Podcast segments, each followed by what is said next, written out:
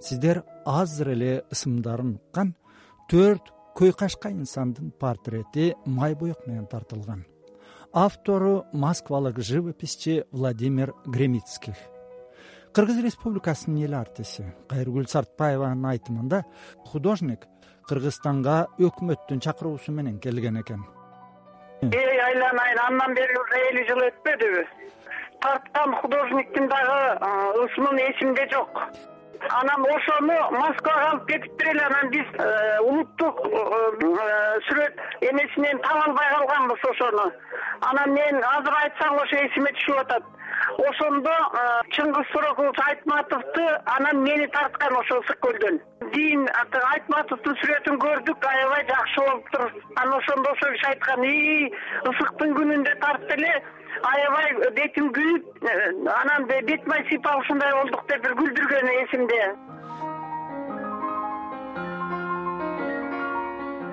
Россия искусствосунун ардактуу ишмери владимир гремиц москвадагы айтылуу суриков атындагы көркөм сүрөт институтунун бир миң тогуз жүз кырк экинчи жылкы бүтүрүүчүсү. Белгилүү устаздар болочокко академиктер жана сссрдин эл сүрөтчүлөрү игорь грабарь жана сергей герасимовдон таалим алат. Владимир гремицкийдин эмгектери ондогон сүрөт музейлеринде жеке менчик коллекционерлерде бар. Кайыргүл сартбаева портретте артист кийимчен турат. Менин баамда художник эженин ички сезимин шаар мүнөзүн ай жаркын ажарын түркүн боекторду күн шоуласындай жайнатып таамай берген художниктин айтымында ал кайыргүл эжени алтын кыз драмасындагы чынардын образында тарткан экен. Бир жумага э, уруксат аны театрдан алып келишкен ошо бир беш жолу мен позировать этип бердим го. Ошо тиги айтматов тартып анан мага келип мени тартып атты.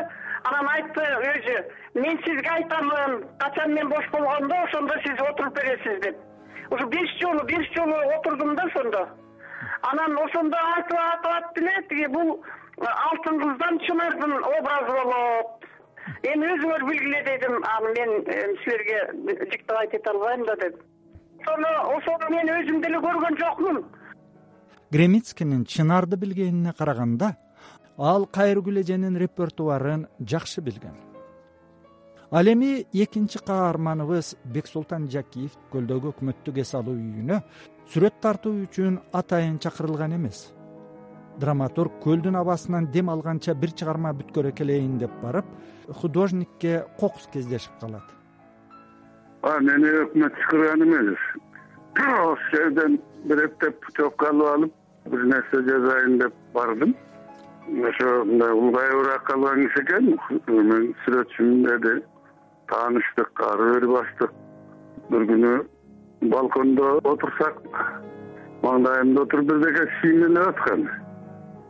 Көрсө эски тартып атыптыр менин жөнүмдө да.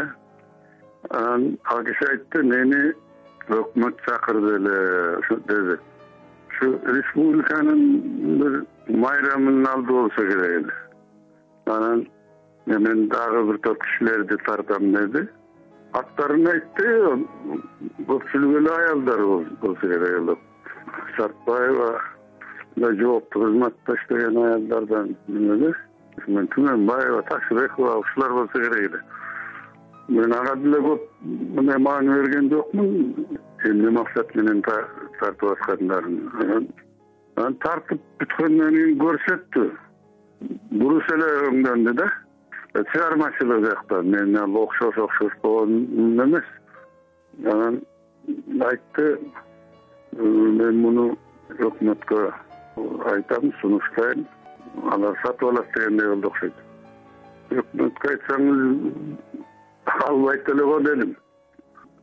Ал киши менен кийин жолуккан жокмун? Деди кыргыз эл баатыры бексултан жакиев. Бексултан агайдын портрети аалы токомбаевдин жана чыңгыз айтматовдун портреттеринен айырмаланып эркин манерада тартылган. Бойлуу драматург богема чөйрөсүнөн экенин үлпүлдөгөн тармал чачтары көк пиджагынын бычымы көйнөгүнүн кочкул кызыл өңү жана отурушу күбөлөйт. Драматург агайыбыздын портрети алты жүз миң рубль же тогуз миң үч жүз долларга бааланган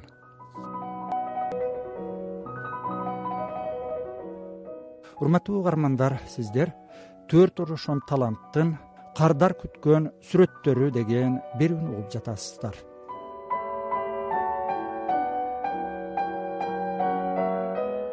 Гремецк ошол келишинде кыргыз сср министрлер советинин төрагасынын орун басары республиканын тышкы иштер министри жамал ташыбекованын да портретин тарткан экен.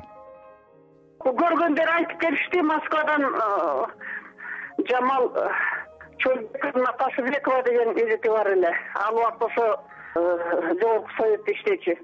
Анан ошол айтып келди. Эже сиздин сүрөтүңүз укмуштай сонун экен бир галереядан көргөн го анан ошону дейт мен өзүмдүкүн сатып алдым он миң сом акча төлөдүм сиздегилер ошону сатып албайсызбы? деп. Анда мен советтер союзунун деген наамым жок. Кыргыз э, сссрнин эмгек сиңирген артисти деген биринчи наамды алганмын эми артисттер аябай аз маяна алчу да. Совет орунда деле. Анан билбейм дедим аны эгерде министерство биздин маданият министрлиги аракет кылса балким алып калар. Жок алар аракет кылбаса мен аны ала албайм ошондой чоң суммада менде жок акча дегем. Деди кайрыгүл сартбаева. Владимир гремицктин уулу александр владимирович гремицк телефон аркылуу болгон баарлашуу учурунда жамаал ташыбекова эже москвада болгон кезде өзүнүн портретин сатып алганын тастыктады. элүү беш жаштагы чыңгыз айтматов сүрөттө ачык сары түстөгү сербаа көйнөк жон саргыч бош шымчан турат пиджагын желкесине таштап койгон эми күмүш аралай баштаган коюу кара чачтары арткы фондогу ак мөңгүлүү ала тоо көгүлтүр асман жаратылыш менен жоорулушуп кетет калемгердин күнгө тотуккан жүзү жапжашыл табиятка нурун чачып аалам да сүйүнүчкө толгондой. Сүрөткер чыңгыз айтматовду кара сөздүн чебери катары терең урматтагандыктан сүрөттөгү ар бир деталдын үстүнөн кылдат иштегендей. Дүйнөгө ысмы белгилүү жазуучунун портретинин баасы бир миллион эки жүз жыйырма беш миң рубль же бүгүнкү нарк менен он сегиз миң доллар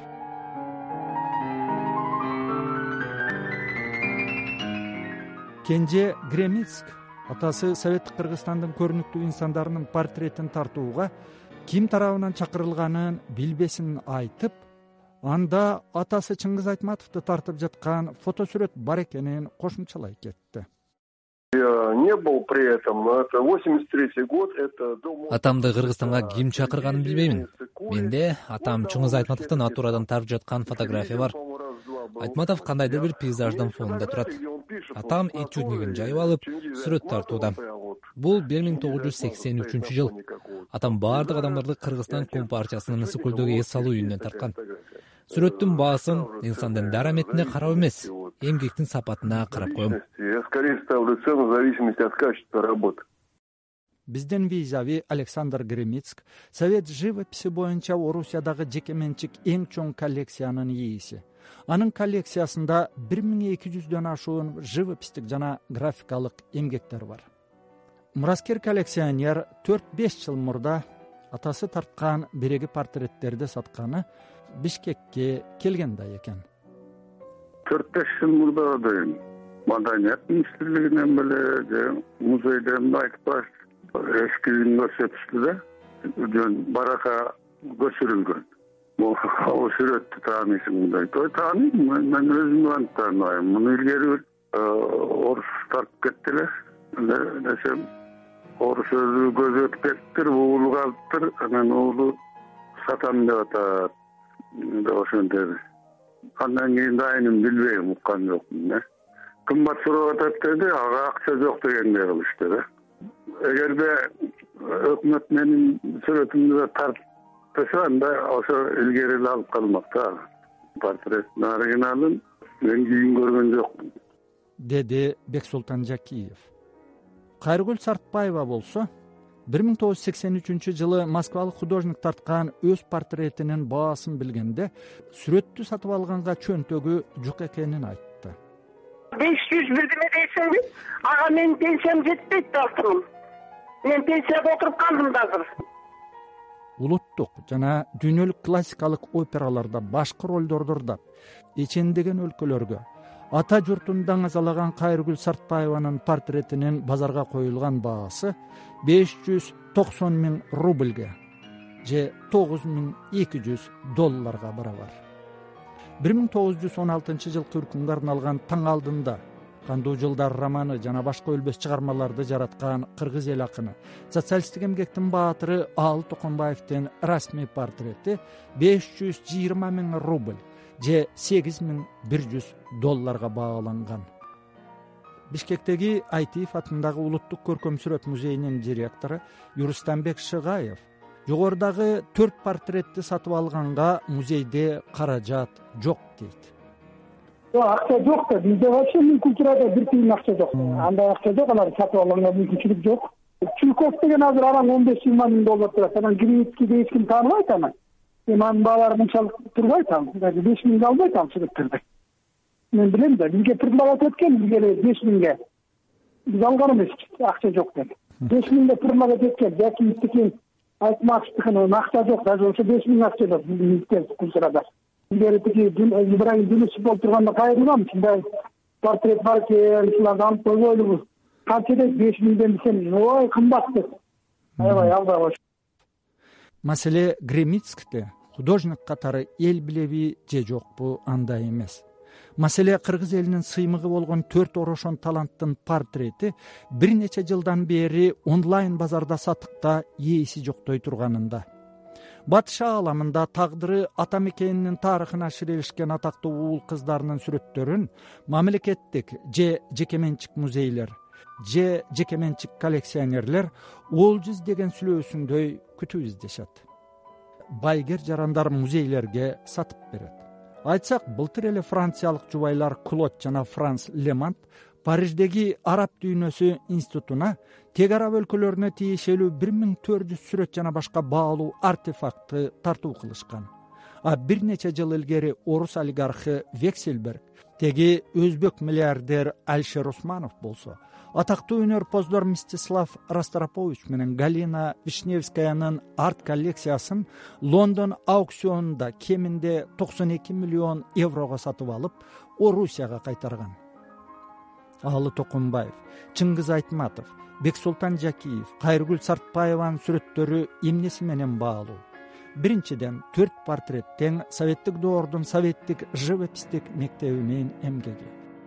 Экинчиден төрт портреттен тең ошол доордогу даркан таланттардын образын көрөбүз.